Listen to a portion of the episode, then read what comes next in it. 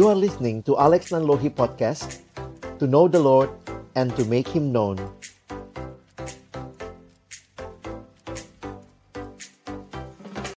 Mari sama-sama kita berdoa sebelum kita membaca merenungkan firman Tuhan. Kami datang kepadamu ya Tuhan dalam ucapan syukur malam hari ini. Terima kasih untuk anugerah yang nyata yang Tuhan berikan bagi kami umatmu. Terima kasih kesempatan melayani juga Tuhan berikan bagi kami untuk melayani Tuhan dan melayani jemaat Tuhan. Karena itu malam hari ini kami rindu ketika sama-sama kami akan menyiapkan hati kami, kami akan membuka firman-Mu ya Tuhan. Kami mohon ketika kami membuka firman-Mu, bukalah juga hati kami. Jadikanlah hati kami seperti tanah yang baik, supaya ketika benih firman Tuhan ditaburkan itu boleh sungguh-sungguh berakar, bertumbuh, dan juga berbuah nyata di dalam hidup kami. Berkatilah baik hambamu yang menyampaikan, setiap kami yang mendengar, tolong kami semua Tuhan. Agar pada akhirnya kami bukan hanya jadi pendengar-pendengar firman yang setia, tapi mampukan dengan kuasa pertolongan dari rohmu yang kudus, kami dimampukan menjadi pelaku-pelaku firman-Mu di dalam kehidupan kami. Bersabdalah ya Tuhan, kami umatmu sedia mendengarnya. Dalam satu nama yang kudus, nama yang berkuasa, nama Tuhan kami Yesus Kristus, kami menyerahkan pemberitaan firman-Mu. Amin.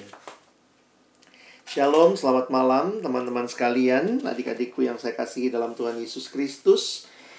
Sungguh kesempatan yang indah, boleh sharing firman Tuhan dengan teman-teman sekalian. Dan malam hari ini saya coba siapkan satu slide juga bagi kita dalam rangka kita memahami ya tentang pelayanan. Saya beri tema The True Servant dan kita hari ini akan bicara persiapan hati ya. Memang menarik untuk memperhatikan hati ini sangat penting dalam Amsal pasal yang keempat ayat 23 diingatkan jagalah hatimu dengan segala kewaspadaan karena dari situlah terpancar kehidupan. Jadi uh, ya mari hati-hati dengan hati Mari siapkan hati kita. Always search our hearts. Karena memang benar ya, apa yang diingatkan juga kepada kita. What is the heart of the problem? The heart of the problem is the problem of the heart. Inti dari masalah itu adalah masalahnya di hati ya. Jadi bahasa Inggris dengan permainan kata yang unik. The heart of the problem is a problem of the heart. Jadi karena itu ketika kita menyiapkan hati bersama, saya rindu ini jadi kesempatan kita juga terus melihat hidup kita yang melayani Tuhan, mengevaluasi dan juga boleh terus berserah kepada Tuhan. Nah, kita menyiapkan diri untuk Paskah dan saya pikir juga sekali lagi ini bukan sekadar perayaan kekristenan belaka, tetapi juga di dalamnya kita melihat apa yang Tuhan Yesus telah nyatakan. Ada satu ayat kalau bicara pasca karena ini ayat yang berkesan bagi saya di dalam waktu-waktu terakhir di situasi pandemi ya.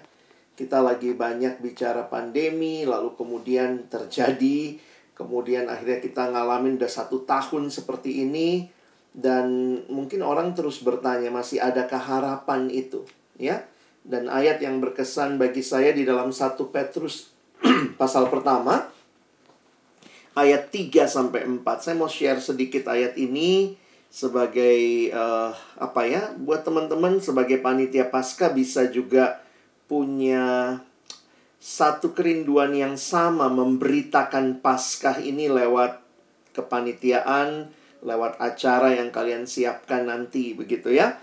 1 Petrus 1 ayat 3 dan 4 Terpujilah Allah dan Bapa Tuhan kita Yesus Kristus yang karena rahmatnya yang besar telah melahirkan kita kembali oleh kebangkitan Kristus dari antara orang mati kepada suatu hidup yang penuh pengharapan.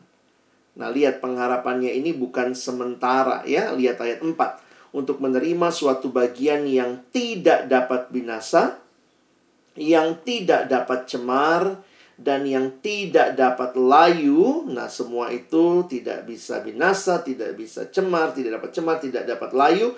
Yang tersimpan di sorga bagi kamu. Teman-teman kalau lihat ayat ini, saya pikir ini ya kembali lagi ya waktu merenungkan tentang pengharapan ya ada pengharapan itu ada pasti buat kita dan itu bukan hanya pengharapan saat ini bahkan yang melampaui waktu ya kalau kita perhatikan apa yang dijanjikan yang kita terima di dalam Yesus itu luar biasa jadi kalau kita menghayati kenapa kebangkitan itu Paulus sampai katakan jika tidak ada kebangkitan sia-sialah iman kamu. Sia-sialah kepercayaan kamu. Karena saya pikir ini yang menjadi dasar yang sangat kokoh bagi iman percaya kita. Dunia cuma kenal siklus lahir, hidup, mati. Itulah hukum wajarnya dunia. Lahir, hidup, mati. Tetapi Kristus dia membawa kehidupan. Sehingga bagi kita yang percaya ceritanya tidak berakhir di lahir hidup mati. Tidak. Tetapi dia bangkit dan kebangkitannya juga memastikan kita yang percaya kepadanya akan beroleh kebangkitan. Sehingga bagi yang percaya bukannya lahir hidup mati, tetapi yang mati ada kebangkitan dan ada kehidupan. Jadi kalau kita memperhatikan hal ini, ini yang membawa pengharapan. Karena dunia hanya kenal berakhir di dalam kematian. Itulah dosa, upah dosa adalah maut. Tapi karena Kristus bangkit, dia memberikan juga kebangkitan bagi setiap kita yang percaya. Karena itu Petrus bersyukur, memuji Allah. Karena ini sebenarnya adalah ucapan syukur dan pujian Petrus. Terpujilah Allah dan dan Bapa Tuhan kita Yesus Kristus yang karena rahmatnya yang besar telah melahirkan kita kembali oleh kebangkitan Yesus Kristus dari antara orang mati kepada suatu hidup yang penuh pengharapan. Jadi pengharapan itu karena ada kebangkitan. Makanya kita suka nyanyi kalau pasca ya. Sebab dia hidup ada hari esok Sebab dia hidupku tak gentar Karena ku tahu dia pegang hari esok Hidup jadi berarti sebab dia hidup Saya mengutip kalimat dari satu buku yang mengatakan We have a living hope Because we have a living Savior Kita punya sebuah pengharapan yang hidup karena kita punya juru selamat yang tidak mati dan berakhir di kubur. Wah, kalau berita ini bisa didengar oleh semakin banyak orang. Orang-orang yang ada di kampus kita di UI. Biarlah mereka mendengar tentang Yesus yang bangkit, yang memberikan pengharapan, yang memberikan kepada kita kekuatan, bahkan juga memberikan kepada kita kemenangan demi kemenangan. Tentu bukan berarti kita mengatakan tidak ada situasi yang sulit, tetapi kita bisa melihat situasi yang sulit ini bukanlah akhir dari semua cerita kita, tapi ada kebangkitan, ya. Jadi, karena itulah saya pikir kita kembali pengurus harian memutuskan untuk membuat paskah lagi tentunya dan kemudian teman-teman dikontak untuk menjadi panitia yang berharap benar-benar juga kalian tangkap beban ini. Ini bukan cuma IO Paskah ya. Tetapi kalau engkau boleh mengalami Paskah itu sendiri dalam hidupmu, only if you have that hope, then you can share that hope to others. Saudara tidak bisa membagikan apa yang saudara tidak punya. Karena itu kalau saudara alami dengan sungguh, maka biarlah melalui setiap karya nyatamu mempersiapkan pasca ini akan nyata sungguh kita sedang membagikan kerinduan, pengharapan, jaminan yang kekal yang ada hanya di dalam Yesus yang bangkit itu, ya. Jadi saya berharap terus segarkan pikiranmu, hatimu dengan kebangkitan Kristus yang membawa pengharapan ya. Jadi kiranya ini boleh teman-teman alami sebagai pelayan-pelayan yang melayani di kepanitiaan Paskah. Malam hari ini Abang ingin share beberapa hal berkaitan dengan persiapan hati ini. Ya saya mungkin memberi judul sederhana saja ya tentang prinsip pelayanan. Ini bukan hal-hal yang baru, tapi saya pikir ya itulah ya. Kita perlu terus diingatkan bahkan kepada hal-hal yang kita rasa kita sudah tahu. Salah satu yang menarik kalau saya ingat kalau naik pesawat ya naik pesawat itu unik gitu. Begitu kita udah naik, ya langsung nanti ada peragaan, petunjuk, penggunaan sabuk pengaman, apa uh, jaket keselamatan, pelampung begitu ya. Life jacket. Jadi teman-teman nggak bisa bilang saya udah naik pesawat kesekian kali, saya nggak mau, nggak butuh itu ya. Tetap itu diingatkan. Bahkan itu hal yang dasar. Beberapa orang kalau sudah begitu ya tidur aja lah udah tahu begitu ya tapi kadang-kadang memang tidak mudah. Yang kita tahu itu ya perlu terus disegarkan.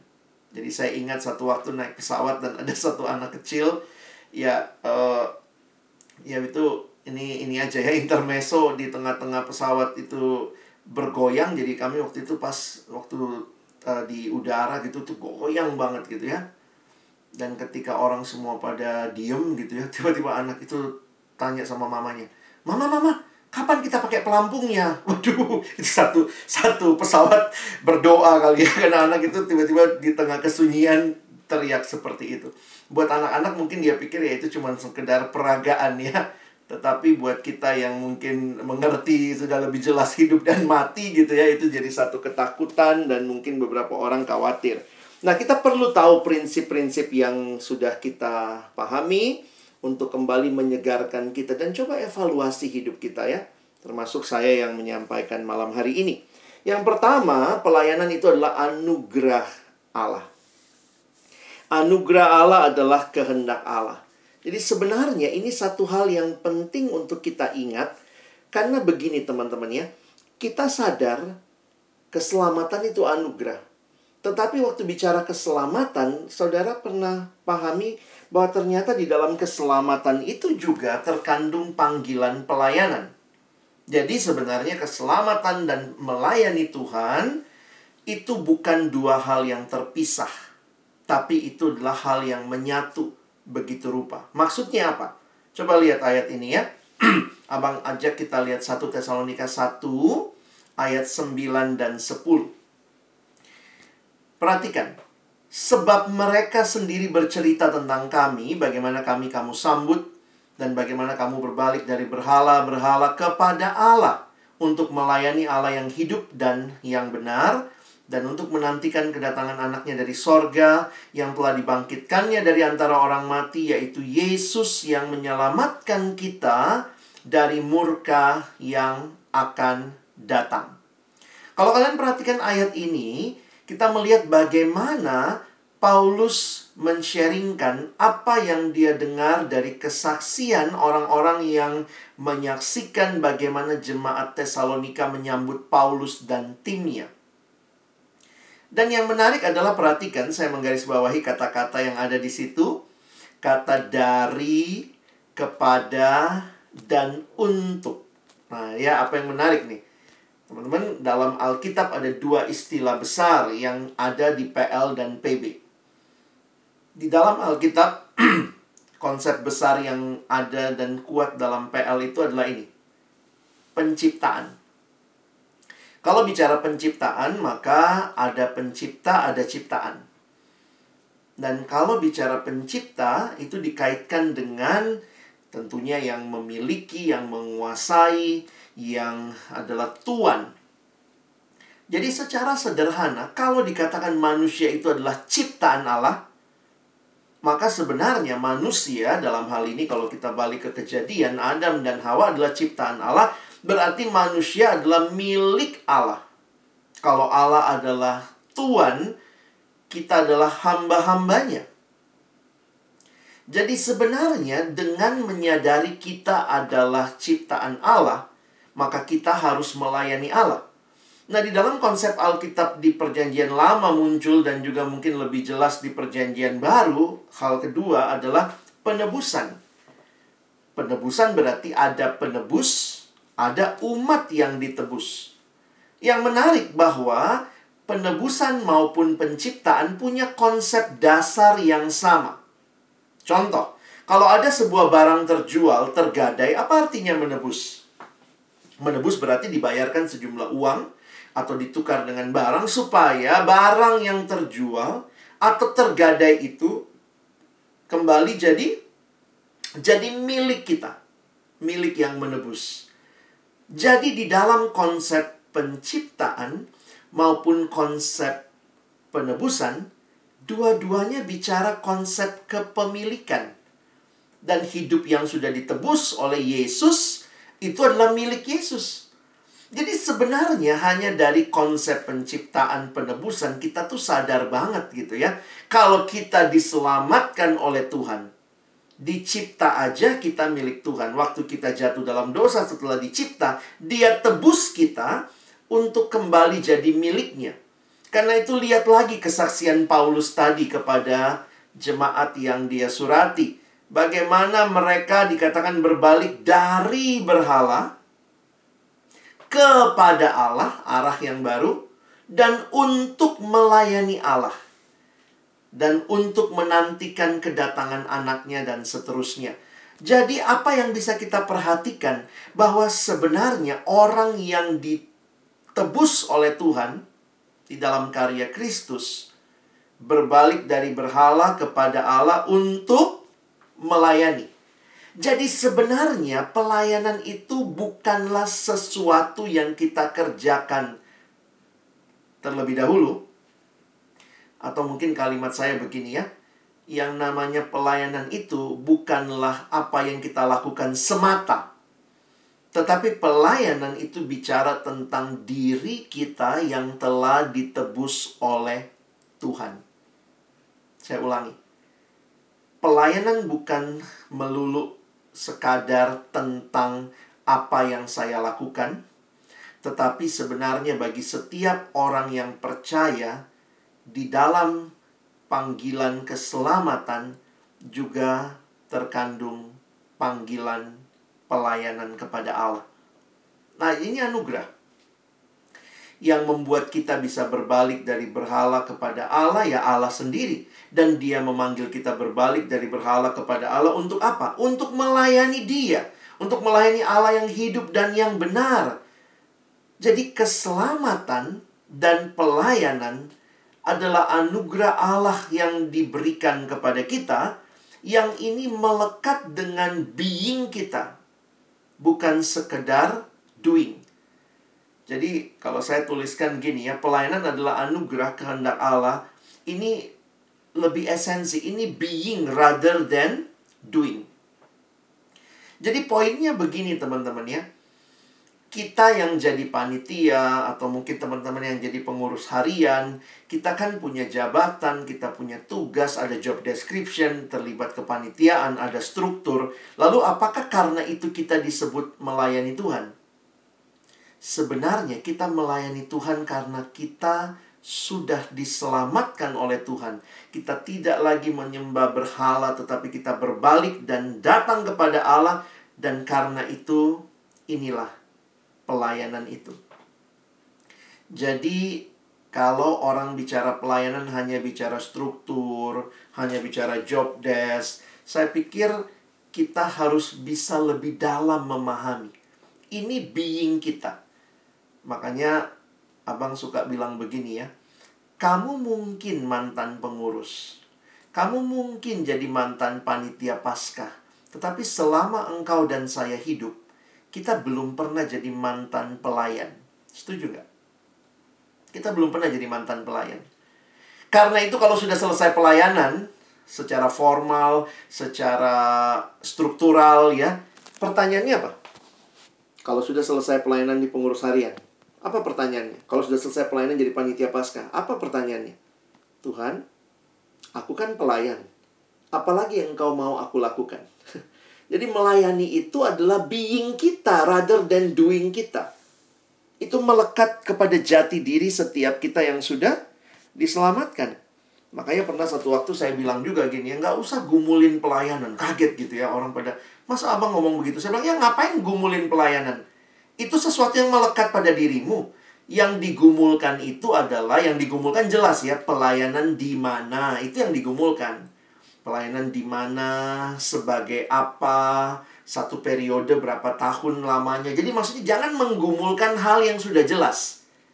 Kalau kamu bergumul, nah kadang-kadang tuh anak-anak persekutuan tuh pakai bahasa-bahasa klise. Aduh, saya mau bergumul. Apa sih yang digumulkan? Ya, saya mau gumulkan apakah saya melayani Tuhan atau tidak. Ada nggak di Alkitab? Ada ayat, janganlah melayaniku. Nggak ada.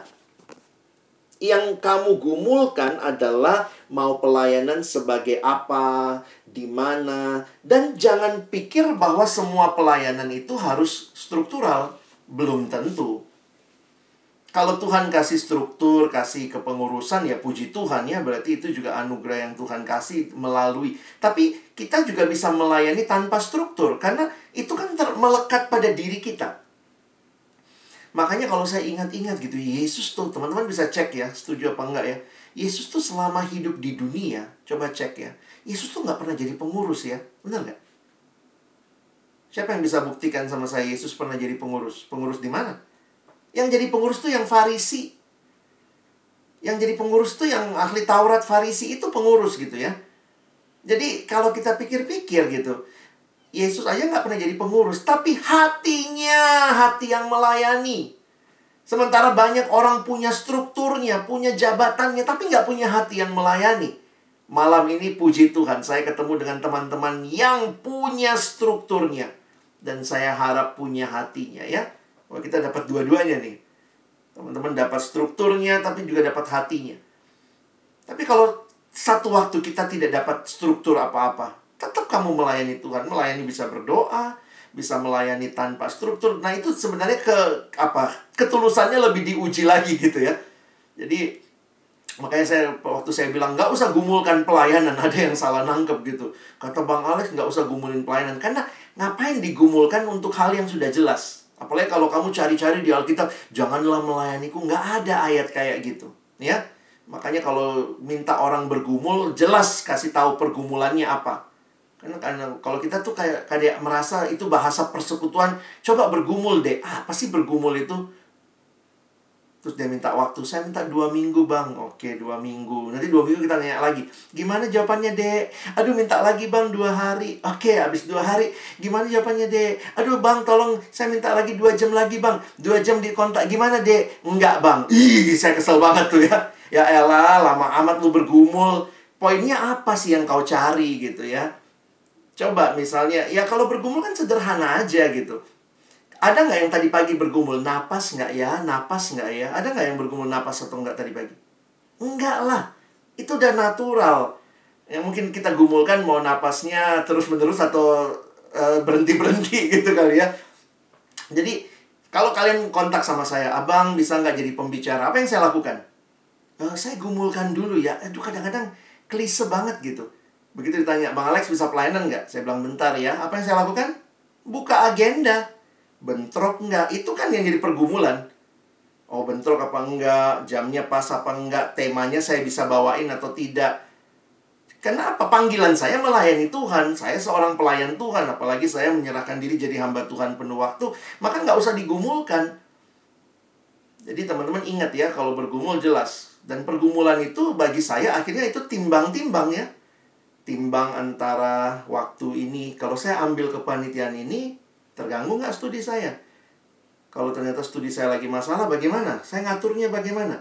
Nah, itu yang digumulkan. Jadi, jangan bergumul cari-cari, aduh Tuhan kasih saya ayat yang jangan melayanimu. Nggak ada. Jangan goblok ya. Jadi, itu perlu untuk kita hayati. Nah, saya mungkin agak lama di situ karena sekali lagi saya juga merasa saya udah tahu kok tentang pelayanan anugerah Tuhan. Tapi sering kali saya lupa bahwa pelayanan berkaitan dengan diri saya ketimbang dengan apa yang saya lakukan. Seumur hidup, kamu belum pernah jadi mantan pelayan. Nikmati status yang Tuhan berikan itu ya. Yang kedua, pelayanan adalah buah relasi dengan Tuhan, ya. Pelayanan eh, sebenarnya dibangun dari juga buah relasi dengan Tuhan. Saya pikir tidak asing buat kita, abang nggak expose lah ya. Kalian udah tahu tentang Maria sama Marta. Marta sibuk sekali beraksi. Maria duduk diam berelasi. Bukan berarti yang Marta lakukan salah. Sebenarnya kalau kalian gali tentang Marta ini, kalimat yang Yesus katakan, Marta, Marta. Itu kalau Tuhan Yesus udah ngomong nama kita dua kali, hati-hati ya. Yesus ngomong Marta, Marta. Yerusalem, Yerusalem. Dia gitu ya. Itu kan nggak mungkin Marta, Marta. Bukan gitu ya. Pasti Marta, Marta. Gitu ya. Marta, Marta, engkau khawatir dan menyusahkan diri dengan banyak perkara. Jadi saya rasa kalau saya gali ayat itu Tuhan Yesus nggak protes dengan apa yang Marta lakukan, tetapi Tuhan Yesus protes dengan bagaimana Marta melakukannya. Tapi mungkin juga itu keluar dari hatinya yang sangat rest, unrest. Hatinya Marta itu jadi gini lah sederhananya satu penafsir bilang Marta itu bisa aja kan Yesus lagi lewat nih ya mungkin dia baru nonton resep Oke Rudika atau baru nonton resepnya Master Chef kali ya dia mau nyoba dia mau bikin buat Yesus padahal Yesus kan jarang-jarang lewat situ jadi Yesus memprioritaskan ya duduk dong ngobrol dengan Yesus, dengar pengajaran Yesus. Marta memasak. Bagus karena berarti dia nyiapin makanan buat Yesus. Tetapi Marta kepikirnya gini. Dia bisa aja bikin telur ceplok. Setelah itu selesai dia ikutan sama Maria, duduk di kaki Yesus. Tapi engkau khawatir dan menyusahkan diri dengan banyak perkara. Mungkin Marta sibuknya apa? dia bikin telur ceplok, nanti pakai pita, sampingnya ada renda, terus dia bikin apa? Jadi habis waktunya di dapur. Nah, Tuhan Yesus bilang, Marta, Marta, please deh. Maria telah memilih bagian yang terbaik. Maria sibuk berelasi, Marta sibuk beraksi. Teman-teman, bukan berarti Maria tidak beraksi. Kalau kalian menafsirkan cerita di Yohanes 12 ya, ketika ada perempuan yang datang itu kita yakini sebagai Maria yang kemudian mengurapi kaki Yesus dengan minyak yang sangat mahal. Saya pikir itu aksi yang luar biasa. Kenapa Maria bisa tahu Yesus mau mati? Masih ingat nggak? Yesus bilang, biarlah dia melakukannya, mengingat hari penguburanku. Kenapa Maria bisa sense Tuhan ini ini mungkin lewat kali di daerah saya karena dia akan menuju ke salib. Karena dia dengar Yesus ngajar. Orang yang mendengar Yesus punya relasi dengan Tuhan, dia punya aksi yang selaras dengan kehendak Tuhan. Sementara hanya beraksi tanpa berelasi, ya cuma jadi aktivis, nanti dapatnya capeknya doang gitu ya. Dan belum tentu Tuhan mau itu dari kita. Kadang-kadang saya suka melihat iya ya, makanya Yesus ngomong juga kan, Akulah pokok anggur dan kamulah ranting-rantingnya. Barang siapa tinggal di dalam aku dan aku dalam dia, ia berbuah banyak. Dan kalimat ini menarik. Sebab di luar aku kamu tidak dapat berbuat apa-apa. Di luar aku kamu tidak dapat berbuat apa-apa.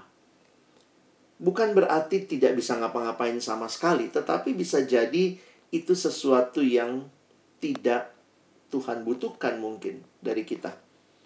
Jadi ingat bagi teman-teman ya, mari kita berelasi dengan Tuhan. Hidup kita berelasi dengan Yesus. Jangan jadi orang yang mendadak berelasi, mendadak kudus kalau mau MC, mendadak rajin uh, baca Alkitab saat teduh, kalau mau melayani gitu ya. Uh, tiba-tiba rohani karena jadi pengurus gitu ya karena jadi panitia. Sebenarnya kan harusnya dari kehidupan sehari-hari kita, ya memang kita seperti itu gitu ya. Beberapa kali saya lihat MC yang bagus ya. Abang kadang perhatiin, kenapa ini MC yang bagus? MC yang bagus itu beberapa kali saya perhatikan karena memang hidup pribadinya adalah hidup yang menyembah Tuhan.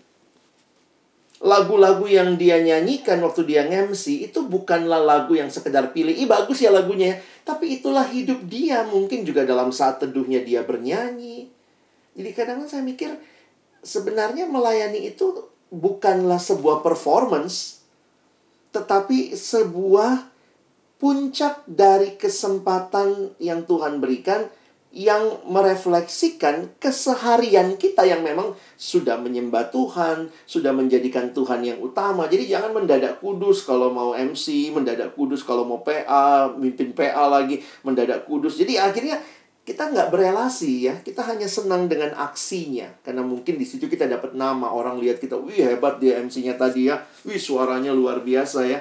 Tapi sebenarnya bukan, kamu bisa sense deh, ini MC-nya kuat kenapa nih? Kadang saya pikir ini masalah dia keluar dari hidup pribadi yang memang sungguh-sungguh menyembah Tuhan. Jadi karena dia sudah sering nyanyi lagu itu di ibadah-ibadah pribadinya waktu dia jadi MC pilih lagu itu, kita bisa lihat ini lagunya beda banget dia nyanyikan ya atau dia pimpin begitu rupa ya. Nah, relasi seperti apa yang Tuhan Yesus rindukan dengan murid-muridnya, saya pikir ya kita udah ngerti lah ya, nggak usah diingatkan lagi kalau anak PO, kita selalu diingatkan baca kitab suci, doa tiap hari, rajin bersekutu, giat bersaksi, disiplin rohani ini yang kita sebut dengan, uh, sorry, uh, relasi pribadi ini yang biasa kita sebut dengan disiplin rohani ya. Jadi disiplin membaca kitab suci, disiplin berdoa, bersekutu, bersaksi dan melayani. Dan ini adalah sesuatu yang hidup dengan Tuhan. Dan kalau kita benar-benar tinggal di dalam Tuhan, jadi ini bukan relasi sewaktu-waktu, maka saya tuliskan gini ya, ini relasi yang pribadi, continue, dan konsisten. Abang dulu pernah bertanya sih ya, kenapa sih mesti baca Alkitab tiap hari? Kenapa sih harus berdoa setiap waktu ada ter keteraturan gitu ya? Terus saya diingatkan akan tiga prinsip ini. Ternyata dalam hidup Tuhan banyak kasih prinsip yang bisa kita pelajari dari hidup sehari-hari. Contoh, napas, napas ya, teman-teman bernapas nih. Berapa berapa liter oksigen yang kau butuhkan setiap hari untuk bernapas? Kalau menurut uh, ada buku yang saya baca nanti bisa cross check ya. Sebenarnya manusia itu butuh satu hari 200 liter oksigen. Itu manusia normal lah. Satu hari 24 jam kita butuh 200 liter oksigen. Yang menarik, rongga paru-paru kita ini bisa menampung katanya laki-laki dewasa atau uh, manusia dewasa lah ya. Bisa menampung sampai 5 liter oksigen. Tapi kan nggak ada juga kita yang sampai pakai seluruh kapasitas paru-paru kalau bernafas ya. Nggak ada yang kalau nafas langsung 5 liter gitu ya. Paling kita berapa cc ngambilnya gitu ya. Nah, jadi prinsip napas itu gimana? Eh, ini prinsipnya. Pribadi, continue, konsisten. Kita nggak ada yang napas sekali untuk seharian ya. Nggak ada ya. Kalaupun bisa, pagi-pagi kamu bangun, kamu narik napas, uh, gitu ya. Cuma 5 liter penuhnya. Padahal kamu butuhnya 200. Mau pakai power bank. Nggak bisa. Napas itu gimana? Pribadi. Nggak ada yang napasnya diwakilkan kan? Ada yang napasnya diwakilkan? Kau separuh napasku. Jijik banget gitu ya. Napas itu pribadi. Continue. Terus menerus. Berkesinambungan. Konsisten. Tetap. Tarik. Lepas. Tarik. Lepas. Jangan tarik. Nggak lepas-lepas gitu ya. Jadi ini prinsip napas itu pribadi. Continue konsisten. Jangan bilang ya bapakku pendeta, bapakku majelis, mamaku pemimpin kor. Aku diwakilkan. Nggak bisa. Relasi itu pribadi. Continue, konsisten. Itu yang terjadi. Napas begitu. Makan juga begitu. Ada yang makannya diwakilkan? Rakus kamu berarti ya, mewakili orang makan ya. Kan kita kalau makan itu pribadi, continue, konsisten. Nggak ada kan yang sekali makan untuk tiga tahun ke depan Kenapa ya Tuhan kasih prinsip itu buat hidup ya? Makan tuh pribadi ya, continue ya makan nanti jam makanya red itu bagus enaknya kalau ada jam makannya ya. Bayangkan kalau manusia nggak butuh makan ya sekali makan untuk tiga tahun. Uh, red sesi terus, sesi terus. Ada nggak ada break, sesi terus. Kenapa? Udah makan gitu ya. Tapi kadang kita berhenti makan dulu, kuat, sesi lagi, konsisten, continue.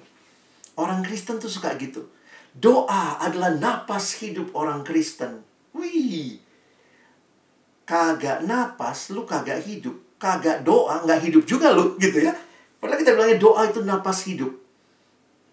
Lalu kita bilang, firman Tuhan itu makaroni, makanan rohani. Harusnya kan begitu ya. Tapi kita nggak makan, ya nggak hidup juga gitu. Jadi saya berharap kita mengerti relasi dengan Tuhan itu perlu dibangun. Perlu kedisiplinan. Disiplin beda dengan kewajiban. Kewajiban itu dari luar untuk mendapatkan sesuatu. Disiplin itu timbul dari dalam karena sudah dapat sesuatu. Kira-kira begitu. Jadi jangan berpikir kita saat teduh supaya selamat. Salah konsep keselamatanmu berarti ya.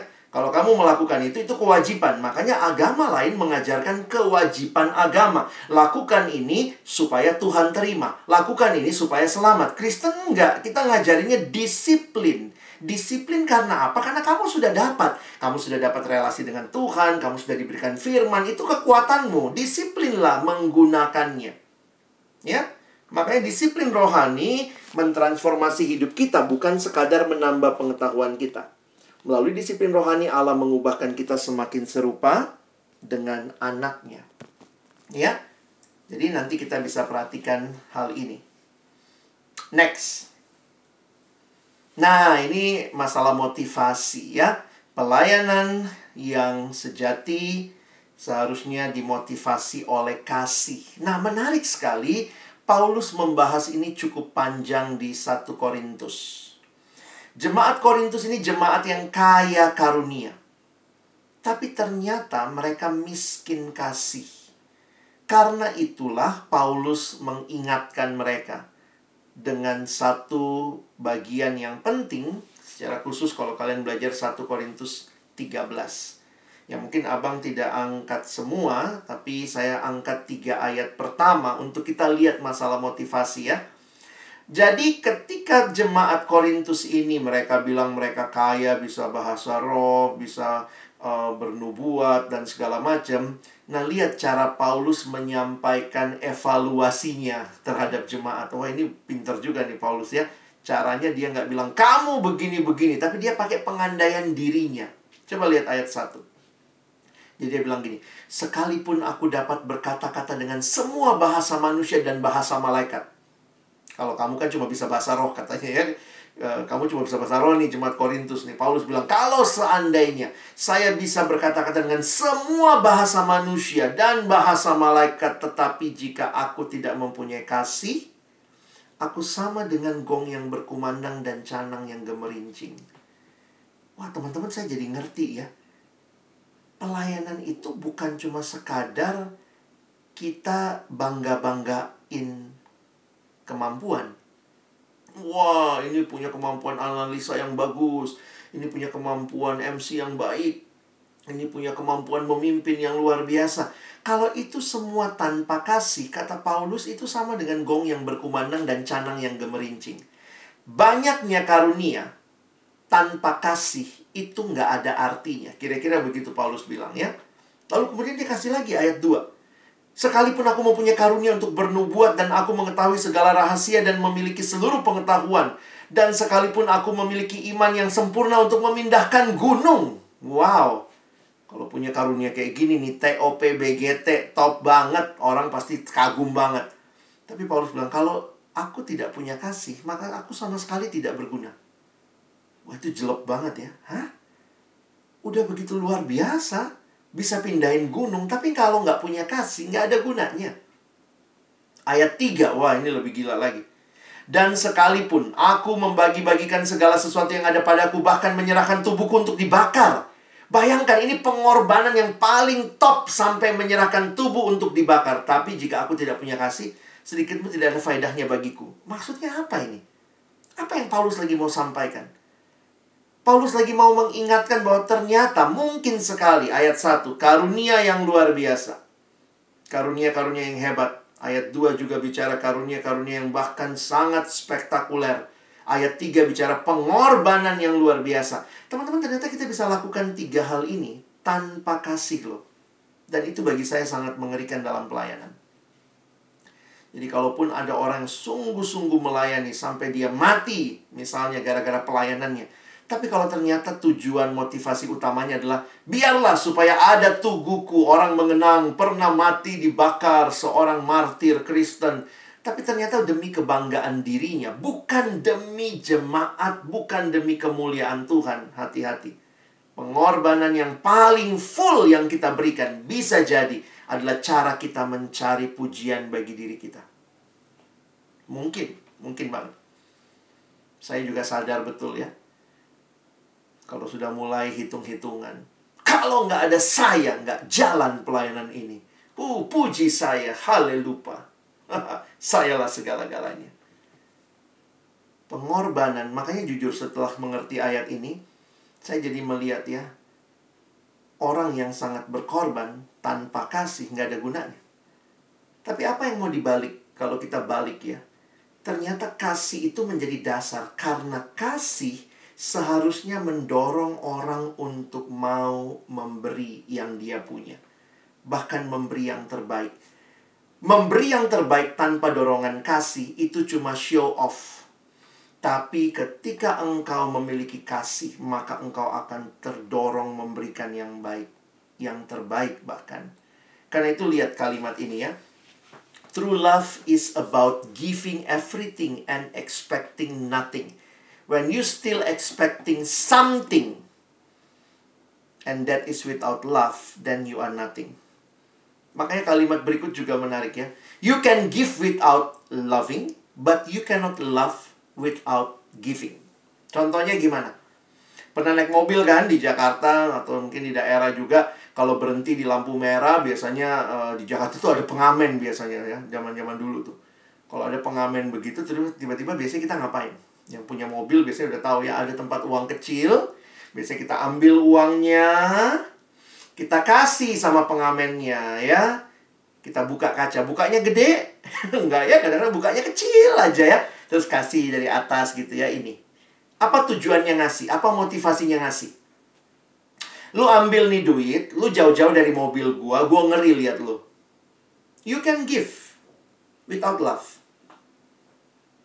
Gampang sekali orang memberi supaya dia nggak diganggu, ada orang memberi supaya dia bisa dipuji orang. Tapi kalau kamu mengasihi, nggak mungkin kamu nggak memberi. Ketika saya melihat seorang anak remaja yang meninggal dunia di usia remaja jatuh dari truk, lalu kemudian mamanya menangis di samping peti mati anaknya. Oh, mamanya itu teriak-teriak. Tuhan, aku aja yang diambil Tuhan, jangan anakku masih kecil Tuhan, Tuhan ambil aku aja. Saya kadang mikir ya, wow luar biasa ya. Orang kalau mengasihi sampai dia minta, Tuhan ambil aja nyawaku, jangan anakku Tuhan. Love give everything. Sometimes you can give without love, but when you love, you will give the best of you. Saya pikir kalau Tuhan dengar doanya ya Tuhan jangan anakku aku aja yang diambil. Lalu mati mamanya anaknya bangkit ya. Terus anaknya lihat mamanya Tuhan jangan jangan mamaku Tuhan aku aja. Gantian lagi gitu ya. Jadi akhirnya saya melihat iya ya kalau orang punya kasih maka apa pun dia akan berjuang untuk yang dia kasihi. Kalau kamu punya kasih kepada Allah kamu punya kasih kepada sesama itu motivasi yang paling dasar untuk engkau give the best. Sementara kalau kita hanya melayani tanpa kasih, ya banyak hal yang tadi dikatakan nggak ada gunanya, nggak ada faedahnya. Karena itu dari mana sumber kasih itu ya? Saya pikir itu dari Tuhan. Alami relasi dengan Tuhan. Ada satu lagu yang sering kali saya nyanyikan ketika saya mengerti ini pas tahun baru ya. Lagunya dalam bahasa Inggris More Love to Thee jadi setiap kali masuk tahun baru Tuhan tambahkan kasihku. Makin besar kepadamu. More love to thee, oh Christ, more love to thee. Jadi Tuhan tolong aku terus mengasihimu. Tambahkan kasihku Makin besar Tuhan kepadamu. Karena kalau aku punya itu Maka aku akan rindu memberikan semuanya. Kenapa?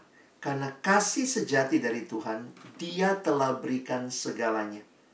Sehingga saya pun memberikan segalanya. Yang terakhir, pelayanan ada harga yang harus dibayar. Sebenarnya saya juga kadang-kadang mikir eh, nggak nggak pas lah ya kita bicara harga yang harus dibayar karena terminologi ini ada kesan Tuhan tuh ngutang sama kita.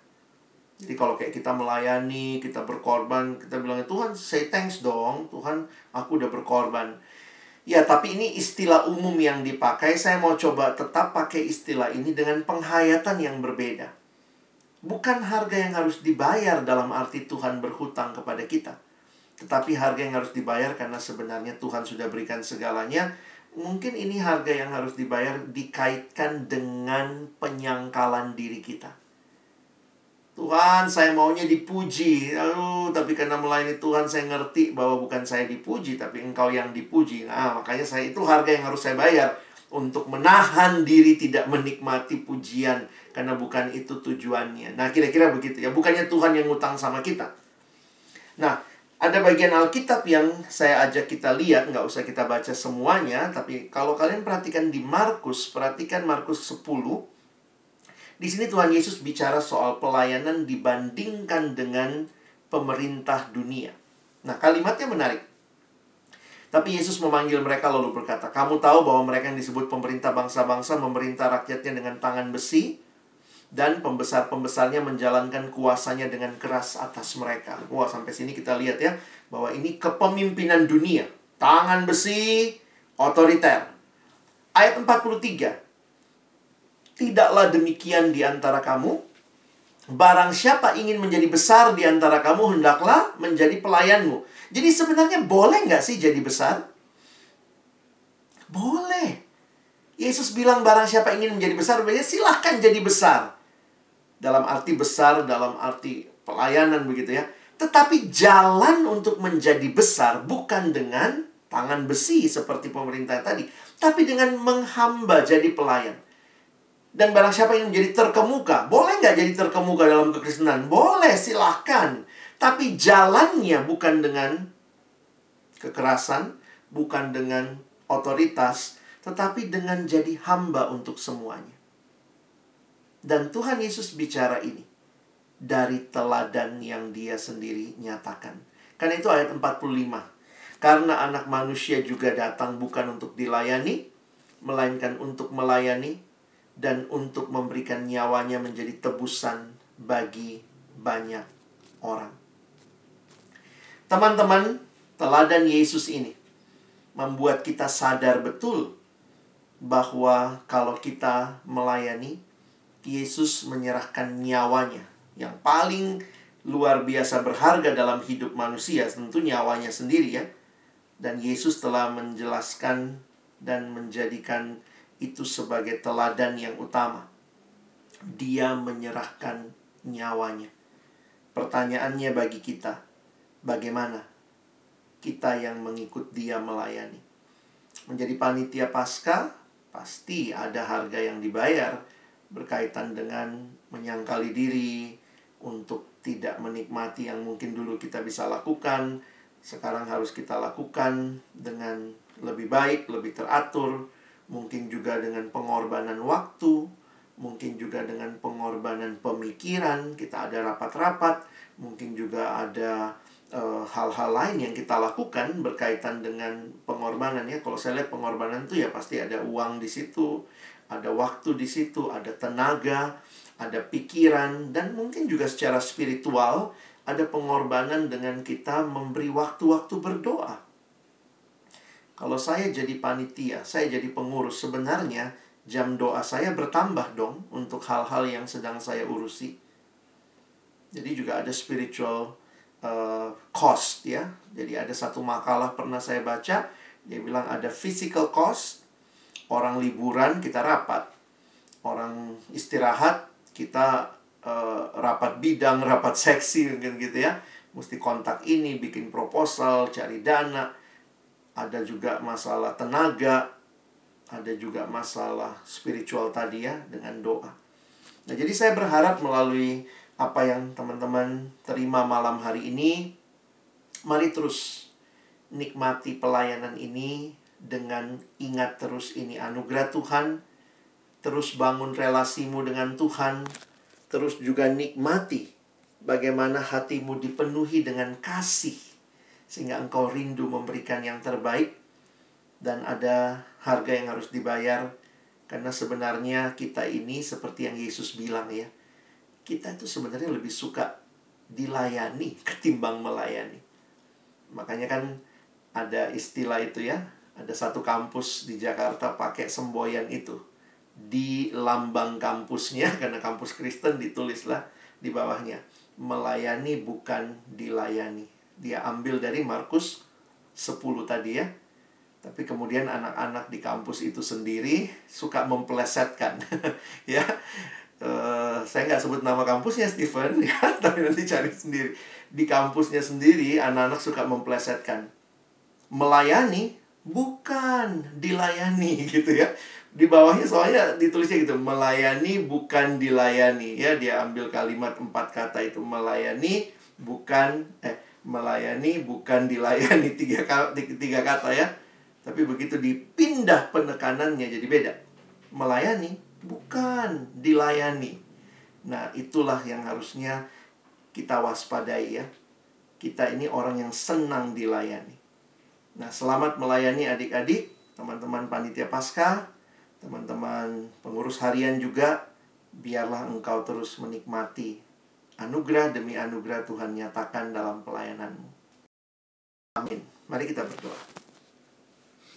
Tuhan, terima kasih banyak kesempatan kami mendengar firman dan tolong kami sekali lagi bukan hanya menjadi pendengar-pendengar firman yang setia, tapi boleh sungguh jadi pelaku firman dalam hidup kami.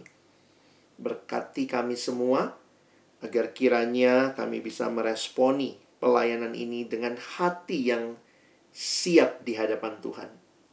Hati yang mensyukuri anugerahmu, hati yang terus-menerus dipenuhi dengan kasih-Mu, hati yang terus-menerus berelasi dengan Engkau bagi kemuliaan-Mu.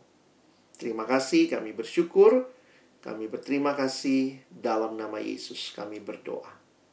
Amin.